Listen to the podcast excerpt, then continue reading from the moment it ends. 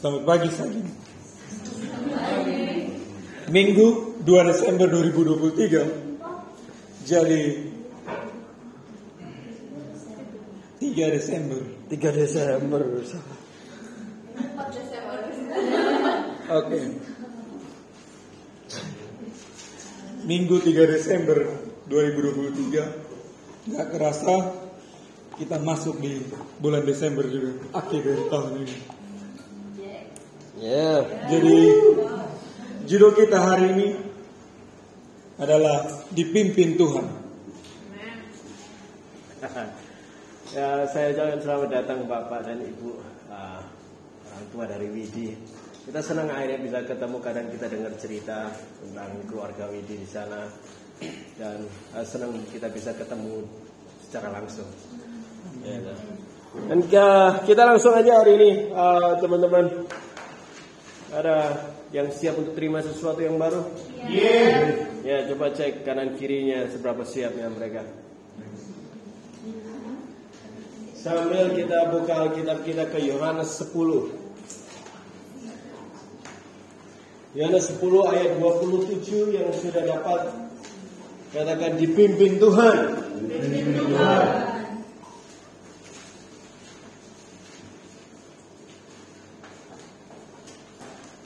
Ya.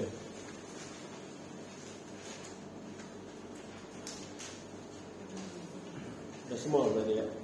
Domba-dombaku mendengarkan suaraku dan aku mengenal mereka dan mereka mengikuti aku. Saya ulangi ayat ini dikatakan bahwa domba-dombaku mendengarkan suaraku dan aku Tuhan mengenal mereka, mengenal dombanya dan mereka mengikuti aku.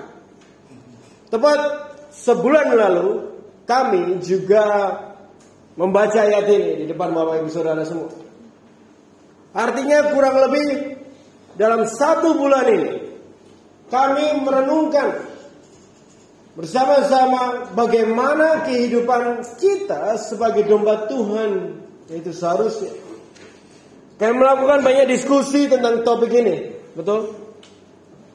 Dari firman Tuhan sendiri, kita coba lihat dan juga kita lihat pengalaman bagaimana Tuhan membangun hidup kami. Kami merasakan kebaikan Tuhan di dalam setiap pimpinan Tuhan di hidup kami. Tanpa pimpinan Tuhan, Bapak Ibu Saudara,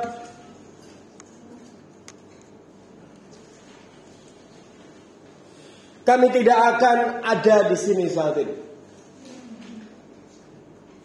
Seberapa banyak yang merasakan kebaikan Tuhan melalui pimpinannya? Dalam ayat lain Alkitab juga menyebutkan Yesus Tuhan Tuhan kita adalah gembala yang baik. Dia memimpin dan menuntun dombanya. Ada domba Tuhan di sini. Ya. Coba lihat kanan kirimu sebelahnya domba atau kambing. ya. Kualitas gembala kita Tuhan sendiri sebagai gembala tidak perlu dipertanyakan. Tetapi apakah kualitas kita sebagai dombanya dapat juga dipastikan seperti itu? Bahwa kualitas kita penuh dengan tanda tanya atau tidak? Dari pembelajaran dan diskusi kami sendiri tentang bagaimana Tuhan memimpin umatnya Bapak Ibu Saudara. Ada hal yang begitu menguatkan kami. Tentang mengikuti Tuhan. Katakan ikut. Domba Tuhan adalah mereka yang mengikuti Tuhan. Sederhana.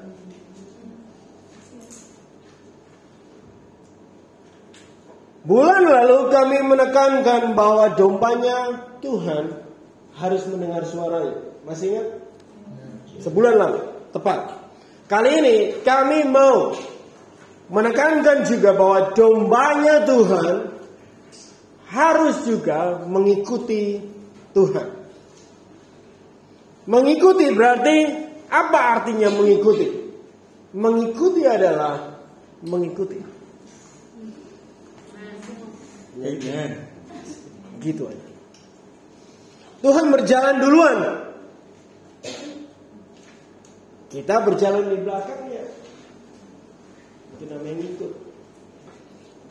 Untuk mengikuti setiap langkah yang sudah dia ambil, untuk mengikuti semua arah yang sudah dia buka untuk kita. Di mana arah dia berjalan kita mengikuti, maksudnya begitu.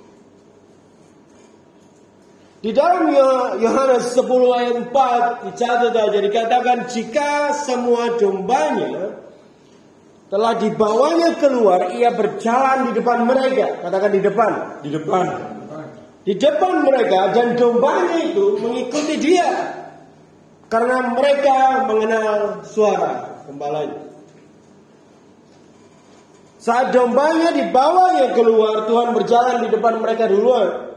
Di depan domba itu dan domba ngikutin gembalanya. Yang pertama yang perlu disadari Bapak Ibu Saudara sebelum kita lebih dalam hari ini.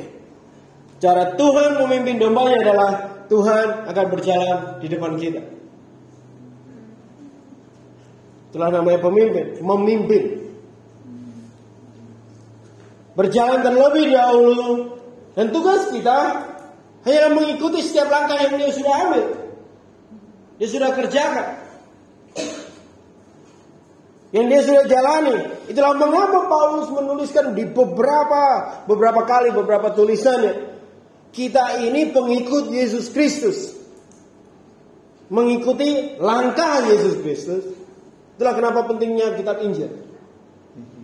Kita mau lihat langkahnya Yesus kayak gimana di masalah-masalah itu. Kita mau ikut kehidupan Yesus Kristus yang sudah dia ambil arahnya. Kita juga mau mengambil semua keputusan bagaimana dia memutuskan dalam situasi-situasi tertentu itu. Yang kedua juga yang perlu kita sadari adalah yang disebut domba Tuhan hanyalah mereka yang mengikuti langkah Tuhan duluan tadi.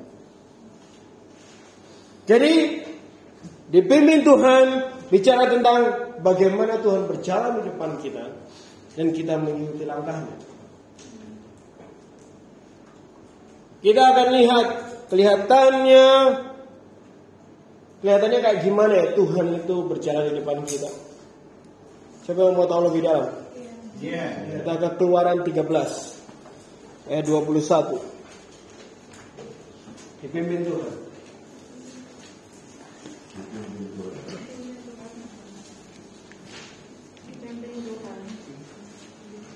Semua sudah di sana?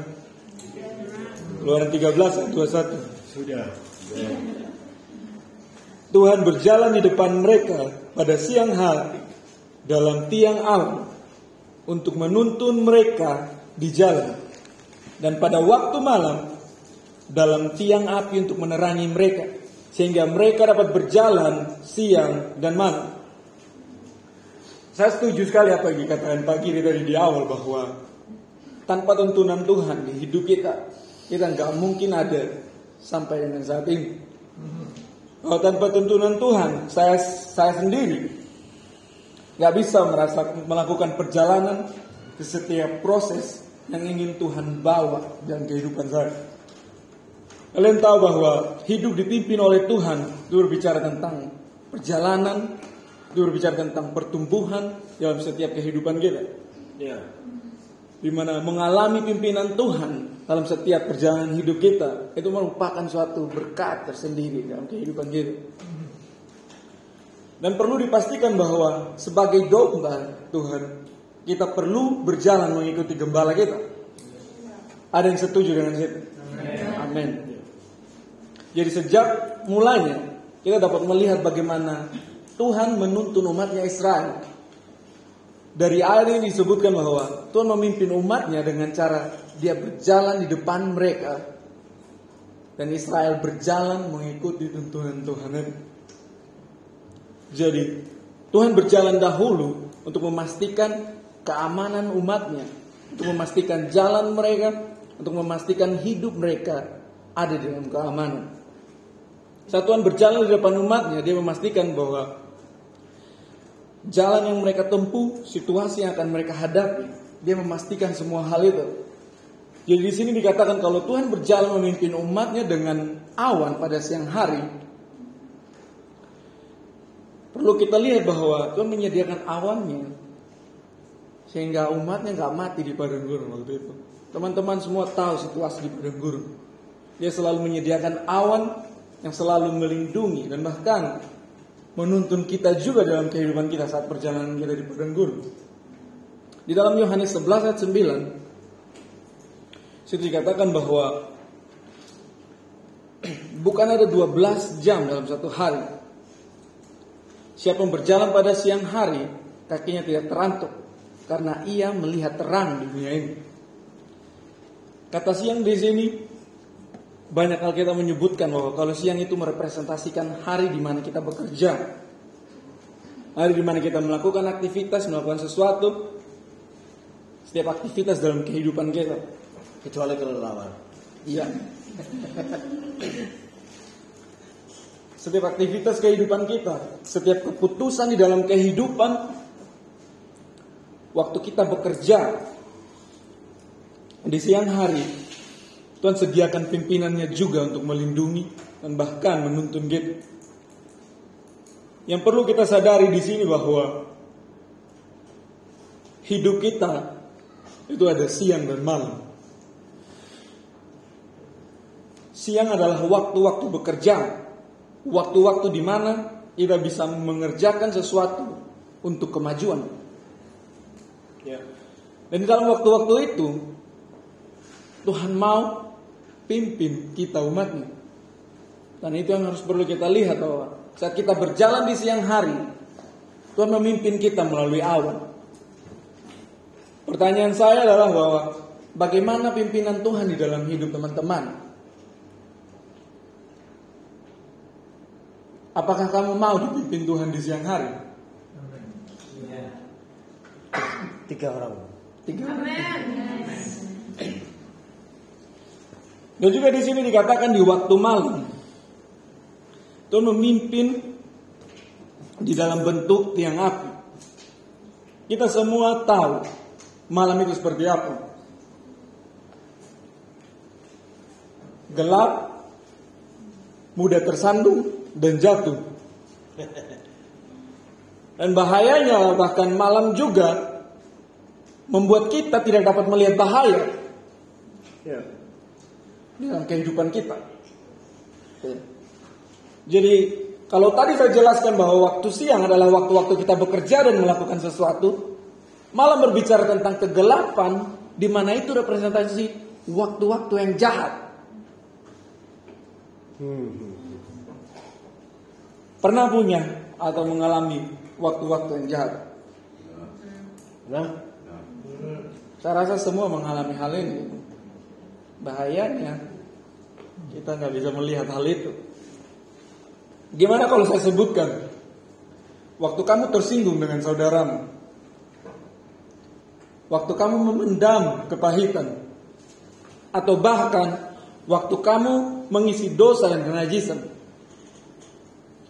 waktu-waktu kamu menikmati pornografi, waktu-waktu kamu menikmati hati yang terluka,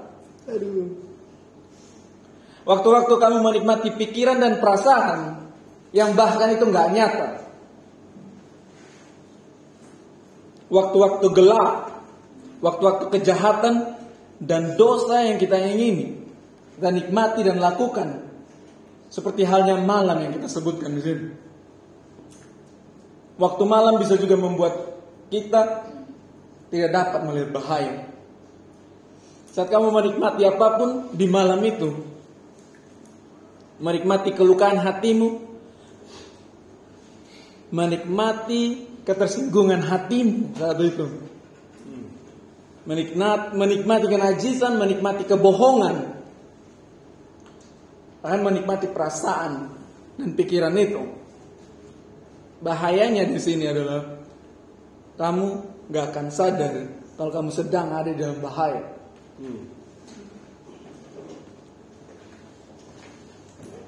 Tetapi di saat malam Tuhan tidak biarkan umat Israel jalan sendiri. amin. Tuhan juga memimpin mereka melalui tiang api. Ya. Di waktu-waktu gelapmu itu, Tuhan mau pimpin kamu juga. Dia memimpin umatnya di waktu siang dan waktu malam. Di waktu kamu bekerja, mengambil keputusan, melakukan kegiatan, ya bahwa Tuhan mau pimpin kamu. Amin. Di waktu kamu jatuh dalam nikmat kenikmatan dosa, di hati maupun tindakan, Tuhan mau pimpin kamu juga di sana juga. Ya. Kita butuh dipimpin oleh tiang awan dan tiang api ini di kehidupan kita, sehingga kita dapat berjalan dalam journey dengan tujuan yang Tuhan miliki untuk kita. Seberapa banyak yang mau hidup dipimpin Tuhan pagi ini? Sekali lagi dikatakan di keluaran 13 ayat 21 kalau tadi bahwa Tuhan memimpin. Ada dua cara yang berbeda untuk dua kondisi yang berbeda. Ya. Di siang hari dengan api dan di malam hari dengan awan. Kebalikan. Oh. Di siang hari dengan awan, di malam hari dengan api. Berarti teman-teman masih fokus. Ya ini ngetiknya kapan nih nggak tahu Pak Giri nih. Saya percaya kita semua mau dipimpin Tuhan. Ada amin di sini. Haleluya. Ya. Eh, masalahnya adalah kita nggak sadar bahwa Tuhan memimpin kita di dua hal itu. Baik di siang maupun di malam. Mau di malam maupun di siang. Tuhan mau pimpin kita. Kita lihat yuk. Gimana Tuhan pimpin kita di awan. Seperti apa? Kita lihat Ibrani 12 ayat 1. Yang sudah dapat katakan dipimpin Tuhan. Dipimpin Tuhan. Karena itu kita punya banyak saksi. Bagaikan awan yang mengelilingi kita. Marilah kita menanggalkan semua beban dan dosa yang merintangi kita. Dan kita berlomba-lomba ya dikatakan dengan tekun dengan di dalam perlombaan yang diwajibkan untuk kita. Ibrani 12 ayat 1. Ini salah satu yang paling favorit. Di sini dikatakan awan. Ada awannya kan? Ikuti awan ini. Tuhan memimpin dalam awan. Salah satu ayat yang saya suka bukan karena di sini tentang awan atau yang vape ini. Tetapi ayat ini mengatakan bahwa banyak saksi yang mengelilingi kita. Di sekeliling kita banyak saksi.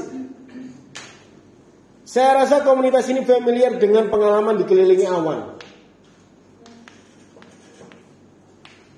Kalau kalian nongkrong sama saya lama atau duduk di kantor Royal pasti ngerasain dikelilingi sama awan. Karena Pak tiap tiga menit ada vape-nya. Awannya banyak. Berasap. Tapi bukan itu maksudnya. Sekali lagi ayat ini katakan kita punya banyak saksi. Di sekeliling kita ini banyak saksi yang melihat hidup kita. Siapa saksi-saksi ini? Awan ini apa? Seringkali juga disebut bahasa Jawanya cloud of witnesses. Bahasa Inggris, Pak. Bahasa Inggris itu tadi. Atau awan kesaksian, awan yang memberi kesaksian, yang melihat apa yang terjadi dan dia memberi saksi. Catat nih, awan kesaksian atau cloud of witnesses adalah mereka yang hidup di dalam iman dan mati karena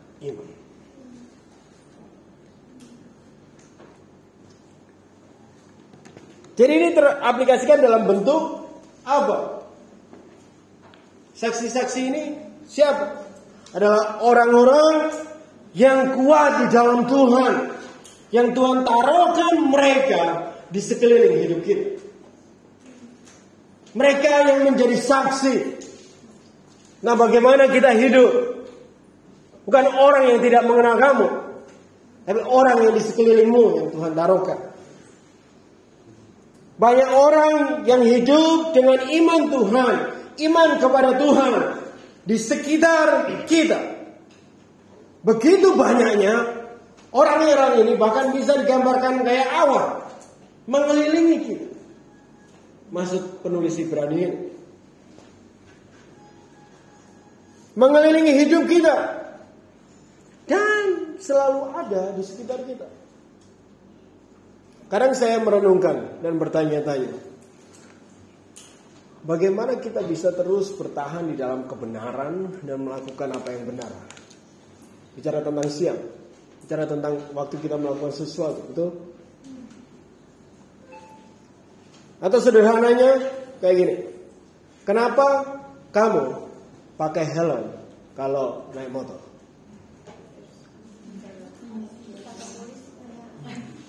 Takut ditangkap polisi. Jawaban jujur pasti adalah takut ditangkap polisi. Pakai helm untuk keselamatan itu mah alasan baik aja. Ya atau ya. Tetapi pada akhirnya walaupun alasan kita takut ada polisi, kita tetap melakukan apa yang benar. Pada akhirnya kita melakukan sesuatu yang ada di bawah hukum itu. Yang berlaku. Karena adanya penjaga. Karena adanya penjaga di sekitar kita. Yang membantu kita. Menekan kita. Untuk kita hidup di bawah hukum itu.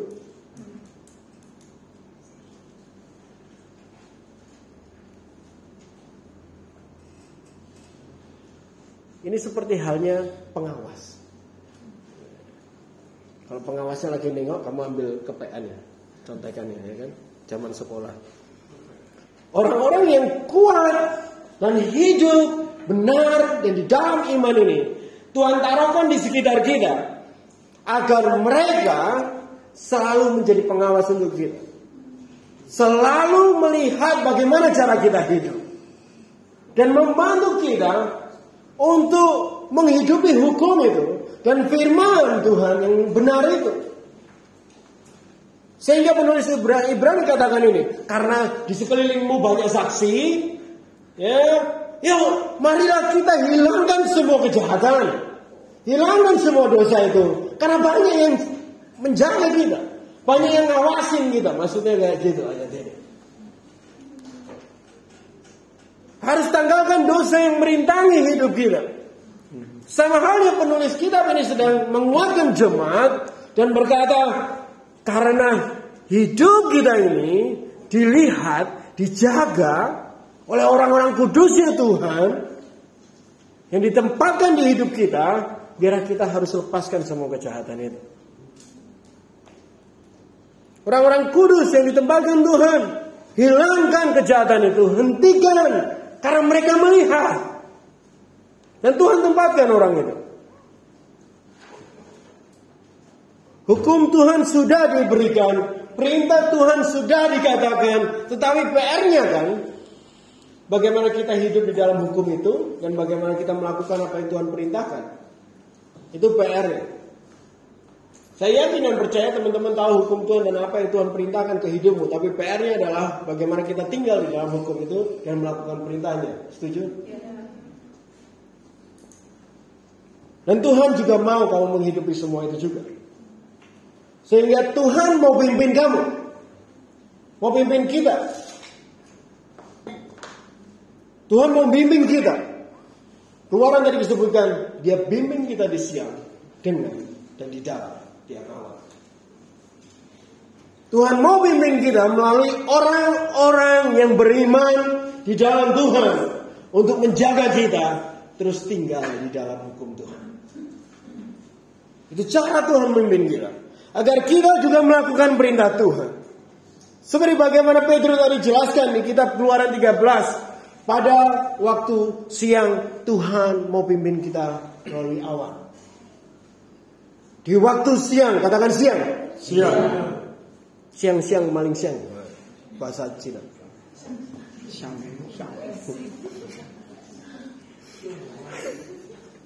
Supaya kita nggak siang-siang maling sen.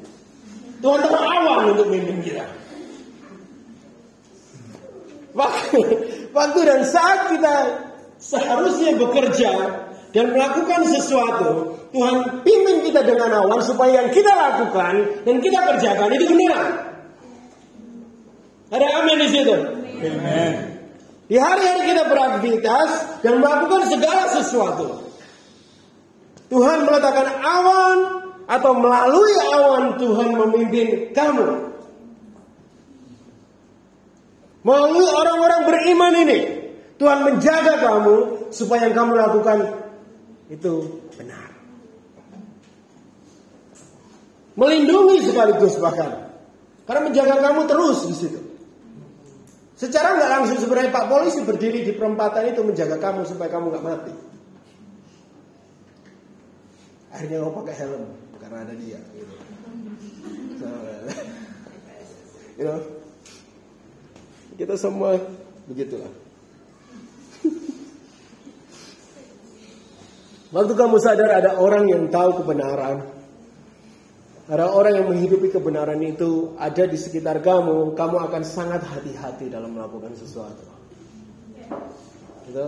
Kalau saya udah datang ke Holy Trinity, bingung mereka. Wah, nanti salahnya aku buat gitu kan. Jadi cara Tuhan memimpin kamu untuk hidup benar, Bapak Ibu Saudara, Tuhan meletakkan awan di hidupmu. Apa tadi awan? Meletakkan orang-orang yang beriman dan hidup benar itu di sekitar kita untuk menekan kamu berhenti dari hidup yang nggak benar. Malu dong hidup nggak benar di sekitaran yang hidup benar. Kalau ada orang benar di hidupmu sekarang, di sekitar hidupmu hari ini, itu adalah bentuk dari pimpinan Tuhan. Ada orang-orang beriman di sekitarmu hari ini, itu bentuk dari pimpinan Tuhan. Kita lihat yang lebih dalam lagi. Detail dalam kenyataan hidup kita bagaimana orang-orang ini. Kita lihat di Mazmur, katakan Mazmur. Kita ke pasal 77. Pasal 77 itu setelah 76. Dan sebelum Wahyu.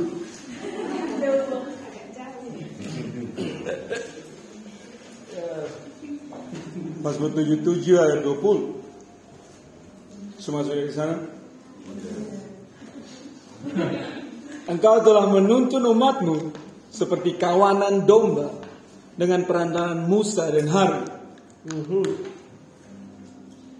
Kalau kita lihat kehidupan kita saat ini, saya percaya kita semua ada di level di mana kita nggak bisa ke mana-mana lagi. Kalian semua tahu apa yang dilakukan di komunitas ini. Kita semua tahu dasar dan kebenaran yang harus kita hidupi di tempat ini. Semua orang di tempat ini tahu bahwa firman Tuhan yang harus menjadi dasar dari setiap kehidupan kita. Ya. Ya, saya percaya bahwa kita semua tahu itu. Ya bahwa saat Tuhan memilih Israel menjadi umatnya, memilih Israel menjadi umatnya, ada pemimpin yang dia pakai sebagai perantara untuk menuntun umat pilihan.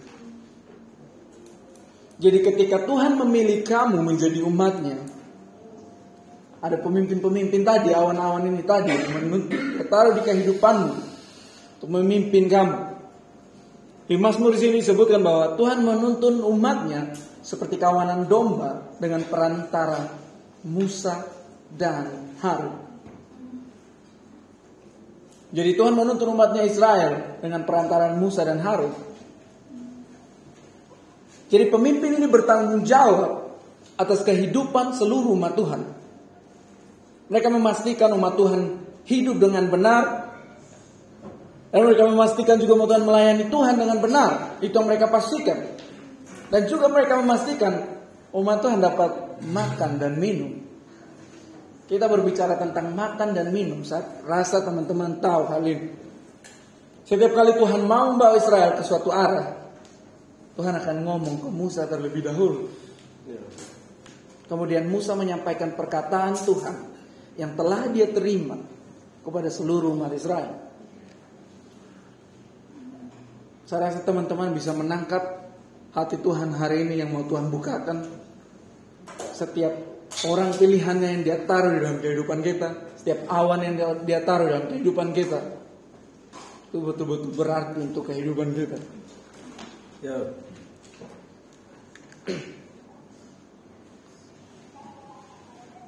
Ketika Tuhan hendak menyampaikan isi hatinya kepada umatnya, dia pasti akan ngomong kepada para pemimpin ini. Jadi kalau kamu adalah umat Tuhan, kehidupanmu tidak boleh terpisahkan oleh orang yang Tuhan pilih untuk mengarahkan dan menuntun kamu. Kita nggak bisa terpisah dari orang yang menjadi perantara Tuhan di sini. Jadi pertanyaan saya di sini bahwa pernah nggak sih pemimpin atau gembala di tempat ini datang ke kamu dan berikan firman Tuhan dan kasih kamu arahan untuk apa yang harus kamu hidupi? Jangan salah artikan di sini bahwa mereka hanya datang random aja waktu itu. Apa yang harus kamu hidupi? Pernah nggak sih waktu mereka datang ke kamu, terus mereka bantu kamu untuk lihat jalan keluar dari masalah, dan mereka bantu kamu lihat masalah itu yang kamu sedang gumuli saat itu. Ada firman Tuhan yang mereka berikan dan bantu kamu untuk melihat masalah itu dengan benar. Jadi saat mereka menuntun dan memberitahu kamu sesuatu di kehidupan kamu, kamu harus punya pandangan bahwa ada sesuatu yang Tuhan tunjukkan kepada mereka untuk kehidupanmu. Ya. Ada sesuatu yang mau Tuhan bawa dalam kehidupanmu. Sesuatu Tuhan mau bawa hidupmu ke suatu arah. Tapi pertanyaan saya di sini adalah bahwa waktu mereka menuntun kamu dengan perkataan yang mereka terima dari Tuhan, seberapa serius responmu saat itu? Pertanyaan ini bisa dijawab dalam hati teman-teman. Waktu mereka ngomong, apa kalian langsung melakukan atau malah komplain dan bersungut-sungut? Baik, perkataan Ini terlalu sulit, terlalu keras. Ya. Kenapa nggak ada perkataan baik? Tapi memang waktu itu itu betul-betul bermanfaat untuk kamu, karena yang mereka lihat, yang Tuhan kasih ke mereka, itu yang harus mereka sampaikan, dan itu untuk kehidupan. Saya mau menguatkan setiap orang, Cuma satu yang amin di sini. saya mau menguatkan setiap orang di tempat ini. Saat gembala di tempat ini menuntun kamu, lihat itu dengan serius dan segera ambil langkah ketaatan. Katakan ketaatan. Dan saya percaya bahwa kita tidak mau melewatkan setiap arahan Tuhan di dalam kehidupan kita. Kita nggak mau misal itu. Lihat bahwa ini merupakan gambaran yang sudah Tuhan ciptakan dari mulanya sampai dengan sekarang. Ada awan-awan, ada orang-orang yang dia pilih untuk dia taruh menjaga umat. Ya. Berbicara ketaatan, berbicara tentang kematian dan kehidupan bahwa ketika mereka mengarahkan kita, ketika kita mengabaikan itu, kalian semua tahu ke arah mana kalian pergi. Kematian. Jadi waktu perantara Tuhan ngomong ke kamu, bereskan dan buka hatimu untuk menaruh perkataan mereka. Karena ini bersangkutan dengan sesuatu yang sedang Tuhan bawa di dalam hidupmu. Cara Tuhan untuk memastikan kamu nggak mati, itu dengan menaruh perantarannya di dalam hidupmu. Semua bisa lihat cara Tuhan yang indah di sini. Amin. Mari kita lihat di 1 Korintus 10 ayat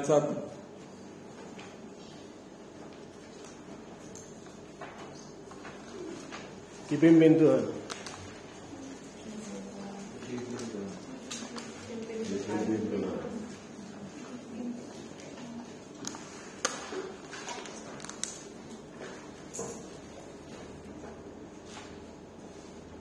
Cara Tuhan memimpin kita di siang hari dengan tiang awan.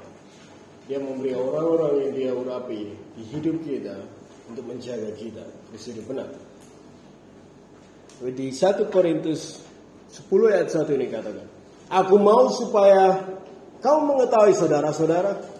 Ada saudara-saudara di sini? Bahwa nenek moyang kita semua berada di bawah perlindungan awan. Ada amin di situ. Dan bahwa mereka semua telah melintasi laut. Satu hal yang harus kita sadari, Paulus katakan, "Hei saudara-saudara, sadari hal ini. Sadari tentang awan ini." Dikatakan di sini, "Nenek, nenek, nenek moyang kita." Semua berada di bawah perlindungan awan. Maksudnya beberapa waktu lalu kita juga berbicara tentang dasar kembali kepada dasar yang Tuhan sudah letakkan dari sejak semula gitu. Yang sejak dahulu Tuhan sudah taruhkan dan kita harus berdiri di atas dasar yang sudah ada itu. Hidup di bawah awan, hidup di bawah perlindungan dan dipimpin Tuhan, hidup di bawah perlindungan orang-orang benar yang Tuhan taruh di hidup kita, hidup di bawah pemimpin rohanimu, itu bukan hal baru. Sadar ya. Ini bukan hal baru yang kita buat-buat untuk wah supaya pelayanannya tambah keren.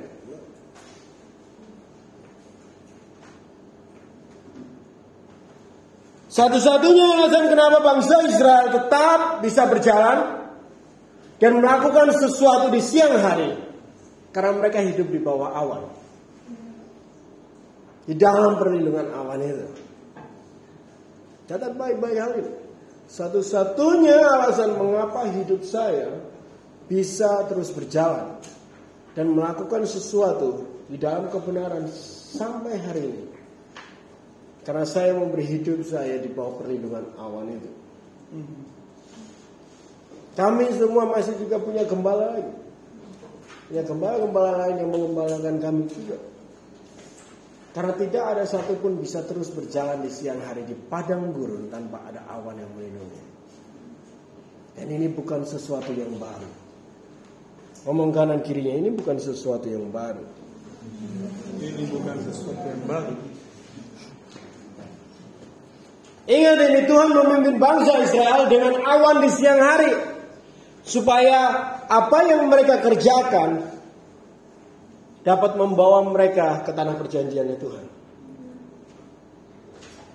Dalam catatan, bangsa Israel itu, Bapak Ibu Saudara, mulai berjalan atau mulai memindahkan kemah mereka itu di siang hari, nggak malam. Mereka mulai berjalan itu di siang hari. Mereka mengalami kemajuan, lebih mendekati perjanjian Tuhan, lebih mendekati tanah yang Tuhan janjikan, mendekati janji Tuhan itu saat mereka berjalan di bawah awan di siang hari. Hidupmu akan mengalami kemajuan saat kamu berjalan di bawah awan Tuhan itu. Amin. Hidupmu akan mengalami kemajuan Bapak Ibu Saudara. Ingat baik-baik, tujuan kami membala di tempat ini dan alasan kami ada di komunitas ini untuk menjaga kamu. Bukan menyukseskan kami. Tidak pernah. Untuk menjaga kamu untuk terus melakukan apa yang benar di siang hari. Untuk menjaga kamu, melindungi kamu dan memastikan kamu mengalami kemajuan untuk makin dekat dengan janji Tuhan. Ada amin. Amin. Setiap mereka melangkah, setiap bangsa Israel melangkah di siang hari awan melindungi. Kami mau melindungi kalian di setiap langkah yang kalian ambil. Catat hal ini keluaran 13 hari katakan Tuhan berjalan di depan mereka dalam bentuk awan. Awannya di depan. Bukan kamu yang di depan. Kecuali Yamaha selalu terdepan. Bukan kamu yang ambil keputusan dan coba menarik awan itu untuk mengikuti kamu. Kamu yang ngikutin awannya. Bukan berjalan dulu dan datang ke kami untuk meminta persetujuan dari keputusan yang kalian ambil. Datang dan kita akan berdoa, melihat pertimbangan, melihat apa yang Tuhan mau di hidup kalian. Karena tujuannya satu, membuat kalian maju mendekati janji Tuhan. Amen. Ingat awan di depan kamu, bukan kamu yang di depan awan. Walaupun motormu Yamaha nggak apa-apa. Semakin di depan. Berapa banyak yang mau berjalan sampai kepada janji Tuhan? Ingat Tuhan memimpin kamu melalui awan, melalui orang benar. Pimpinan Tuhan taruhkan di sekitar kamu dengan orang-orang ini, melalui orang-orang ini. Pastikan kamu berjalan di bawah awan.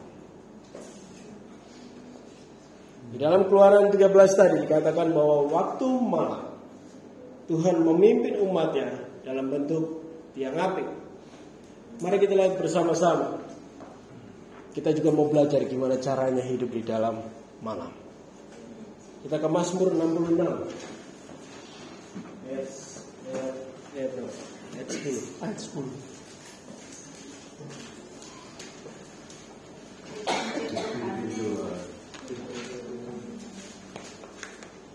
Mazmur 66 ayat 10.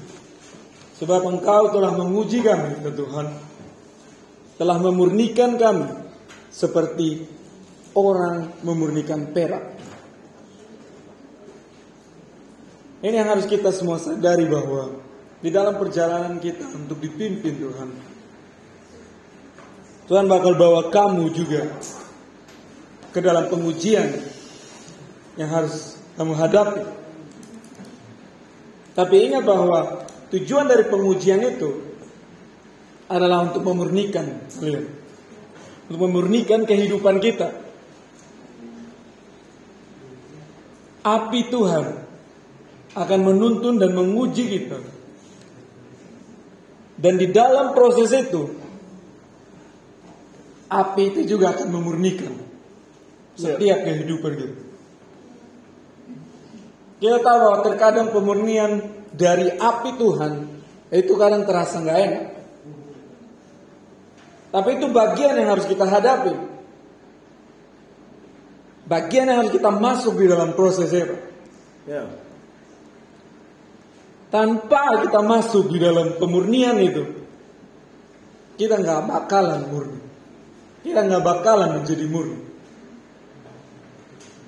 Karena itulah tujuan dari api itu, yaitu untuk membakar kamu dan memurnikan kamu. Sehingga kehidupan yang murni dari seseorang itu bisa dihasilkan melalui proses itu tadi. Contoh di dalam kehidupan kita. Tuhan pimpin kita untuk masuk di dalam keputusan. Keputusan sulit yang harus kita hadapi. Ada yang Tuhan pimpin untuk tinggal di Jogja. Ada yang Tuhan pimpin untuk tinggalkan studium. Ada yang Tuhan pimpin untuk ambil keputusan untuk bekerja di dalam pekerjaan yang bahkan tidak sesuai dengan jurusan yang kamu tempuh dari perkuliahan. Dan kita bisa melihat semua hal itu. Itu nampak menyakitkan. Saya bisa merasakan bahwa waktu Tuhan memurnikan saya. Tuhan bawa saya untuk meninggalkan semua hal dalam kehidupan saya termasuk studi saya. Masuk dalam api itu. Sakit. Gak enak. Tapi lihat di sini, setiap harapan tentang kesuksesan dunia ini. Kesombongan di dalam diri saya untuk jadi sarjana, keinginan saya untuk kerja di laboratorium, pekerjaan yang baik, dapat uang yang banyak, itu semua terbakar di proses itu.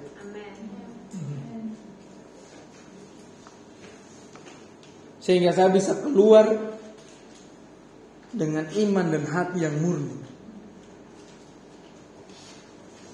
Kepercayaan yang murni lahir dari kehidupan saya. Dan saya menjadi percaya penuh kepada Tuhan. Tanpa masuk dalam proses itu. Hal ini nggak bisa dilahirkan dari kehidupan saya. Saya dimurnikan dari kerinduan untuk pekerja, punya pekerjaan yang besar dengan gaji yang besar. Sehingga saya bisa murni dan dapat melihat pekerjaan yang sesungguhnya yang Tuhan miliki untuk kerajaannya di dalam kehidupan saya. Ya. Saya bisa melihat dengan murni bahwa pekerjaan saya adalah untuk membangun kehidupan lain. Sehingga mereka bisa bekerja bagi Tuhan. Amin. Lihat bahwa tanpa saya memasuki pemurnian itu, kepercayaan yang murni kepada Tuhan nggak bisa dilahirkan, nggak bisa dihasilkan dari kehidupan saya. Pekerjaan yang murni dari Tuhan untuk kehidupan saya tidak dapat saya lihat dengan benar tanpa saya masuk dalam hal ini. Lihat bahwa di dalam proses Tuhan memimpin kita, tidak akan, tidak akan terlepas dari api yang akan selalu membawa kita dan akan selalu memurnikan kita. Tuhan pimpin kami untuk tinggalkan semua hal. Tinggalkan semua hal yang kita rindukan yang bukan dari Tuhan. Tuhan pimpin kami untuk meninggalkan semua hal yang tidak sama sekali membawa kekekalan di dalam kehidupan kita. Dengan apinya dia memurnikan kamu. Kejahatan di dalam hatimu, kejahatan di dalam hidup. Atau terkadang kamu suka habiskan waktumu untuk stalking atau nonton drama. Kalau Tuhan pimpin kamu untuk tinggalkan hal itu, ya mungkin itu rasanya nggak sakit, eh rasanya sakit, Gak nonton drakor seminggu. nggak enak rasanya. Tapi kamu nggak bisa lari dari hal itu.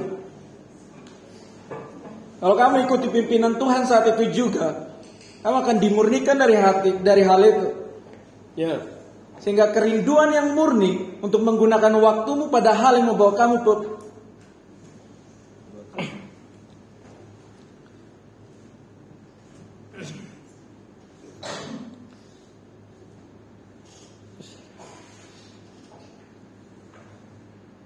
Ya kalau kita nggak bisa meninggalkan hal itu, kalau Tuhan pimpin kamu saat itu, kamu akan dimurnikan dari hal itu, sehingga kerinduan yang murni untuk menggunakan waktu pada hal yang dapat membawa kamu lebih bertumbuh lagi di dalam Tuhan, itu bisa lahir di dalam kehidupan.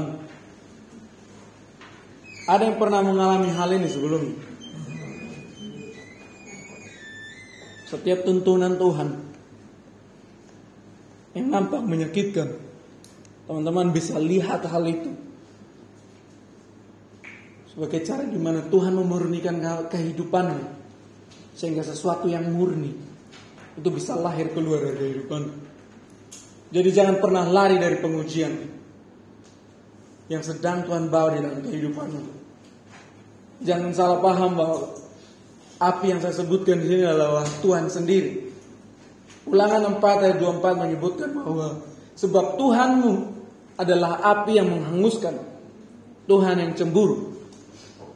Jadi saat di mana api itu membakar dan memurnikan kehidupanmu, dia menghanguskan apa yang jahat di hidupmu. Hmm. Sehingga sesuatu yang murni itu bisa lahir keluar dari kehidupanmu. Apakah teman-teman bisa melihat hal yang indah dari firman Tuhan hari ini? Apakah teman-teman rindu untuk sesuatu yang murni itu dihasilkan dari kehidupan teman-teman? Jangan lari dari api itu. Habakuk 3 ayat 13. Habakuk. Habakuk.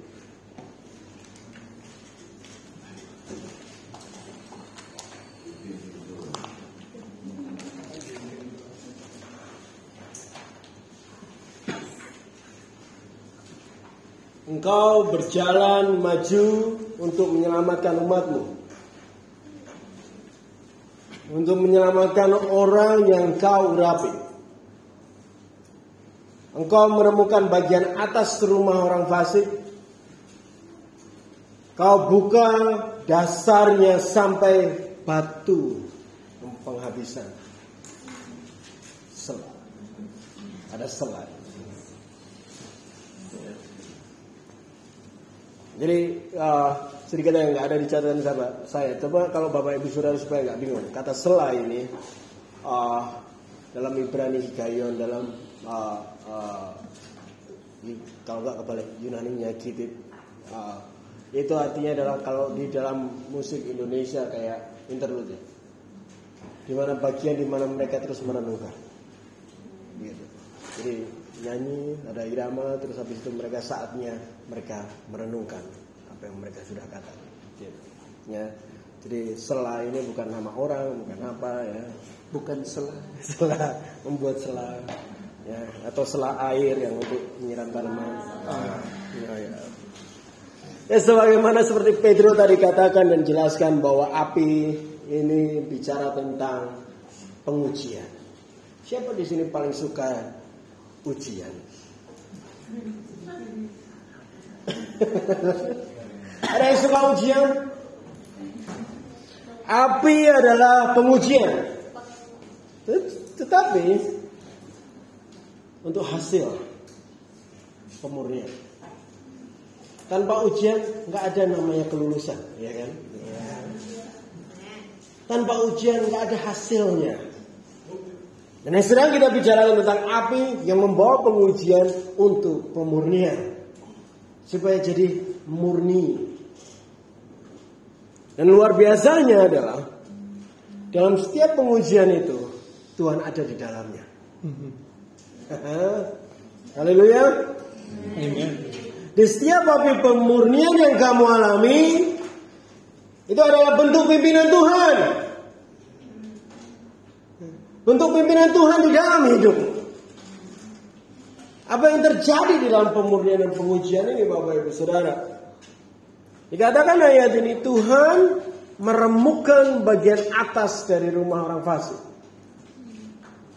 Betul tidak banyak ayat Alkitab dalam bahasa Indonesia atau terjemahan baru yang saya sukai, tetapi yang ayat ini saya sukai terjemahan ini daripada terjemahan lain. Karena terjemahan ini detail dan sedikit kiasan. Karena penggambaran yang luar biasa yang penuh makna dan sama mendekati dengan teks asli.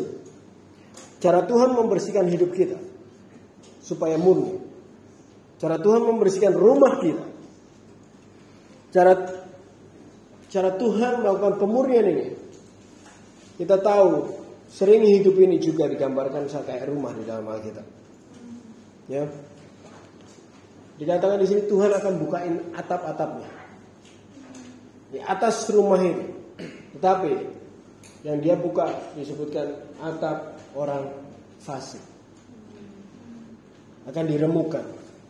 Kenapa diremukan? Karena Tuhan mau buka rumah itu. Tuhan membukakan rumah itu.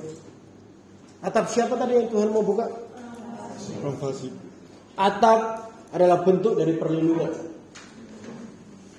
Tapi atap juga. Kalau atap itu atap rumahnya orang fasik, atap itu menjadi penutupan. Atau menutup semua kefasikan dan kejahatan yang ada di dalam rumah. Api adalah bentuk pimpinan Tuhan untuk kamu mengalami pemurnian. Pemurnian dengan dihancurkannya oleh Tuhan semua atap-atap yang menutupi kefasikan hidupmu itu. Atap-atap yang kamu pakai untuk menutupi semua kebusukan dan kejahatan yang kamu simpan bahkan dalam-dalam, udah di bawah atap, di dalam lemari, di dalam dompet, di dalam plastik kecil. Sembunyi banget, nggak ada orang yang tahu. Tapi Tuhan mau bukain, karena Tuhan mau rumahmu murni. Amen. Pemurni dengan dihancurkannya. Ayat ini juga dikatakan Tuhan akan membuka bahkan sampai kepada dasarnya dihancurkan, dihabiskan. Dasar hidupmu yang salah itu kebusukan dan kejahatan yang begitu dalam dan tersembunyi. Oh, Tuhan mau habisin semua dan bersihkan semua. Inilah bentuk dan cara Tuhan memimpin dombanya. Tuhan mimpin kamu ke dalam pemurnian. Surah banyak yang pernah dipimpin Tuhan untuk bertobat. Amin.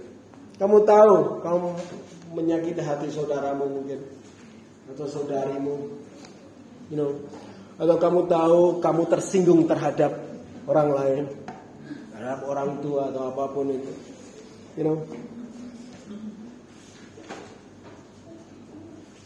Dan Tuhan sedang memimpin kamu untuk bertobat. Apa yang sebenarnya Tuhan sedang lakukan di situasi itu? Dia sedang memimpin kamu dengan api di waktu malam.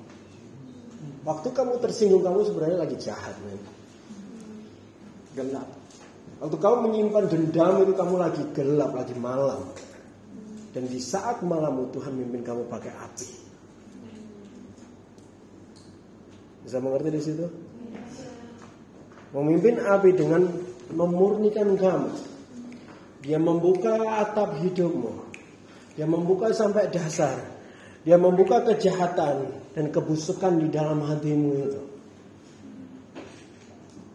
Dan saat kamu tersinggung terhadap saudaramu, kamu mungkin bahkan kadang tidak menyadari kamu sedang dalam bahaya. Tapi kamu di dalam gelap. Di dalam malam. Di masa kejahatan yang memenuhi hidupmu itu. Dan terkadang kamu juga ada kondisi di mana kadang waktu kamu di dalam malam kamu sadar kalau kamu jahat. Kamu mencoba menutupinya dengan sempurna. Coba membangun atap melindungi kejahatanmu supaya nggak kena hujan dan luntur. Karena, aku mau jadi jahat sejati. Kejahatanku nggak boleh luntur. Nah.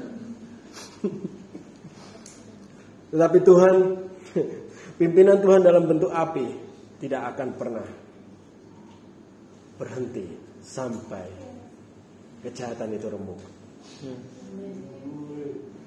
Saat kamu memilih untuk taat dan mengikuti, pernah waktu kamu tersinggung atau kamu benci pada orang ini karena dia tentu di depan mukamu atau apa pun you know.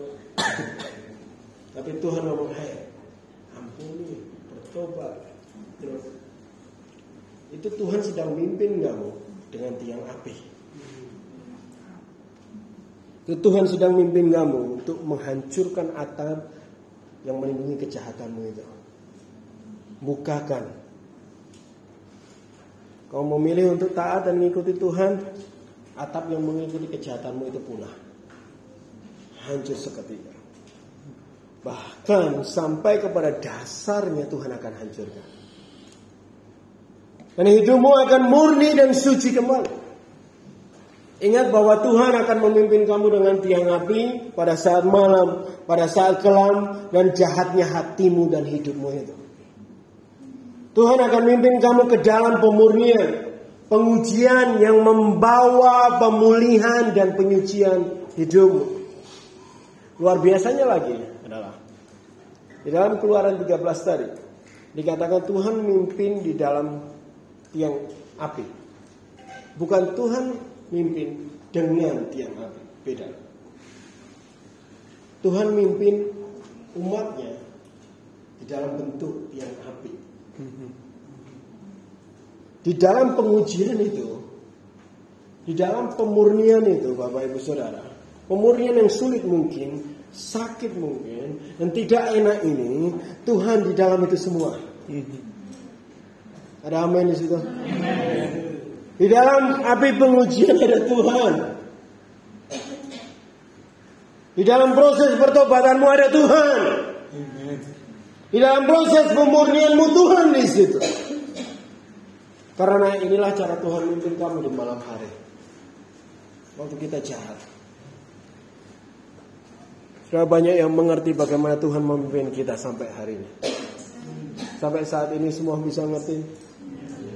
Siang dia memimpin kamu pakai awan. Pakai orang-orang di sekitarmu.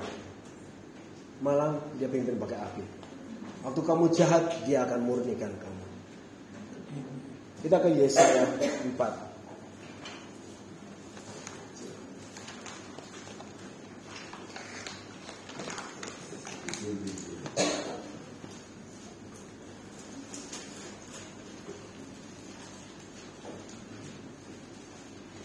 Yesaya 4 ayat 4 sampai 5. Semua sudah di sana? Dipimpin Tuhan. Apabila Tuhan telah membersihkan kekotoran putri Sion dan menghapuskan segala noda darah Yerusalem dari tengah-tengahnya dengan roh yang mengadili dan yang membakar. Dikatakan di sini apabila Tuhan telah membersihkan Lihat di sini baik-baik. Ini berkaitan Ya. penting.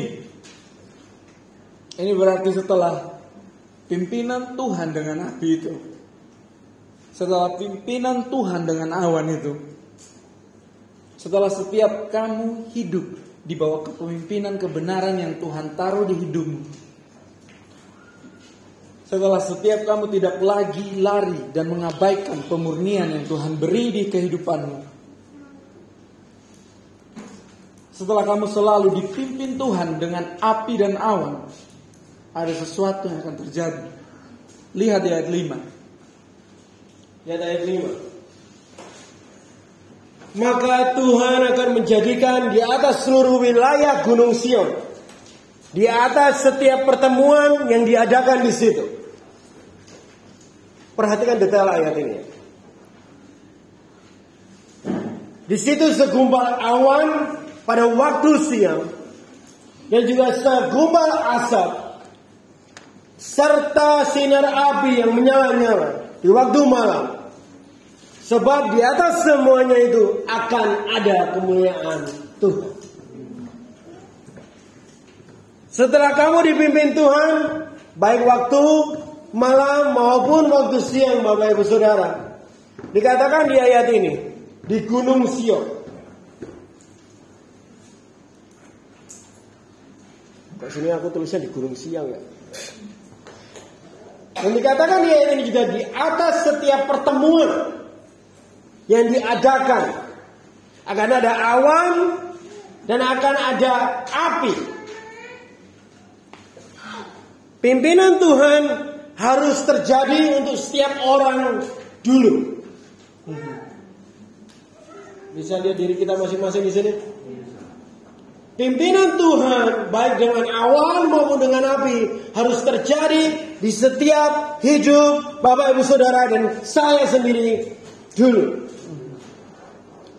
Setiap kita harus dipimpin Tuhan sepenuhnya di hidup kita. Dan saat semua kita setiap kita ada di dalam pimpinan Tuhan ayat 4 tadi waktu semuanya sudah murni di Gunung Sion Gunung Sion adalah gambaran dari tempat penyembahan Tuhan gambaran tempat hadirat Tuhan dan di mana Tuhan bisa interaksi sama umatnya di mana umatnya ada di dalam hadirat Tuhan itu bahkan di setiap pertemuan yang diadakan di situ awan Tuhan dan api Tuhan juga di situ. Bisa mengerti? Gimana kalau jihad sama siapa keluar dulu aja? Semua mata di situ semua. Gak apa-apa. Kita belum ke perjamuan kudus. Karena yang ini penting. Saya mau kalian semua dengar. Kalau setiap kalian tidak dipimpin Tuhan, Di tempat pertemuan ini nggak ada awan dan api Tuhan. Bisa mengerti di sini?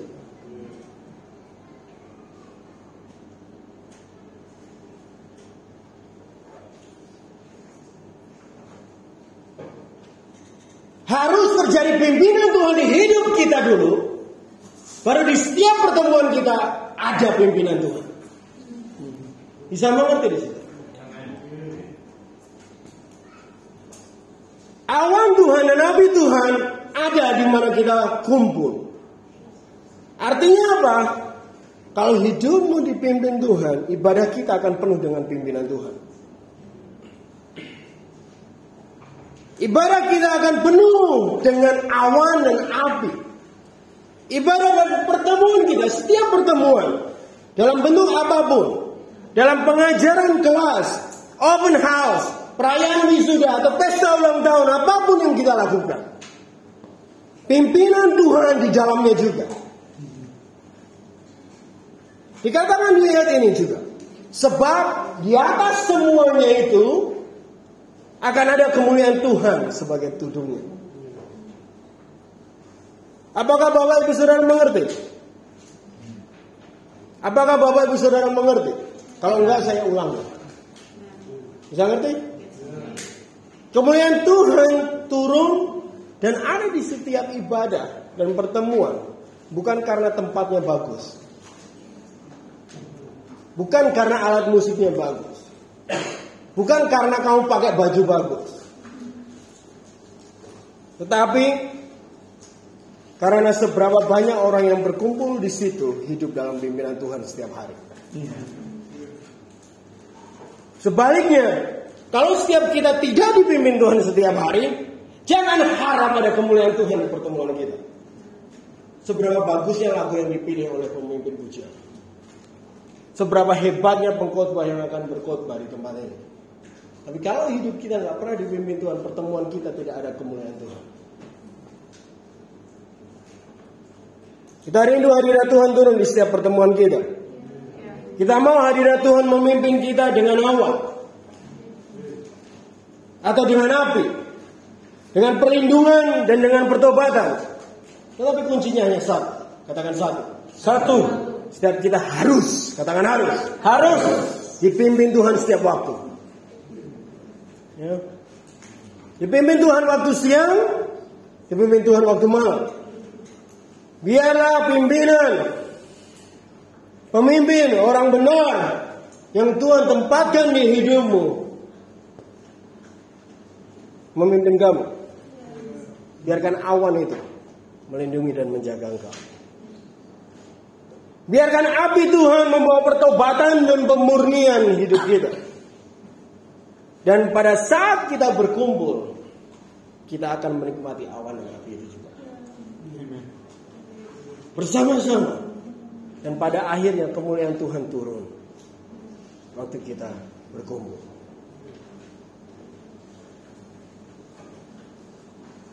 Kita akan memasuki perjamuan kudus kita.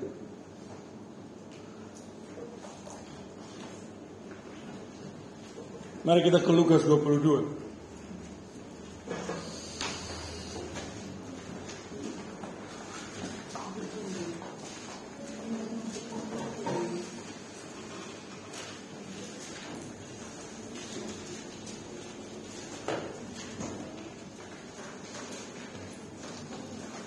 Lukas 22 ayat 19 sampai 20.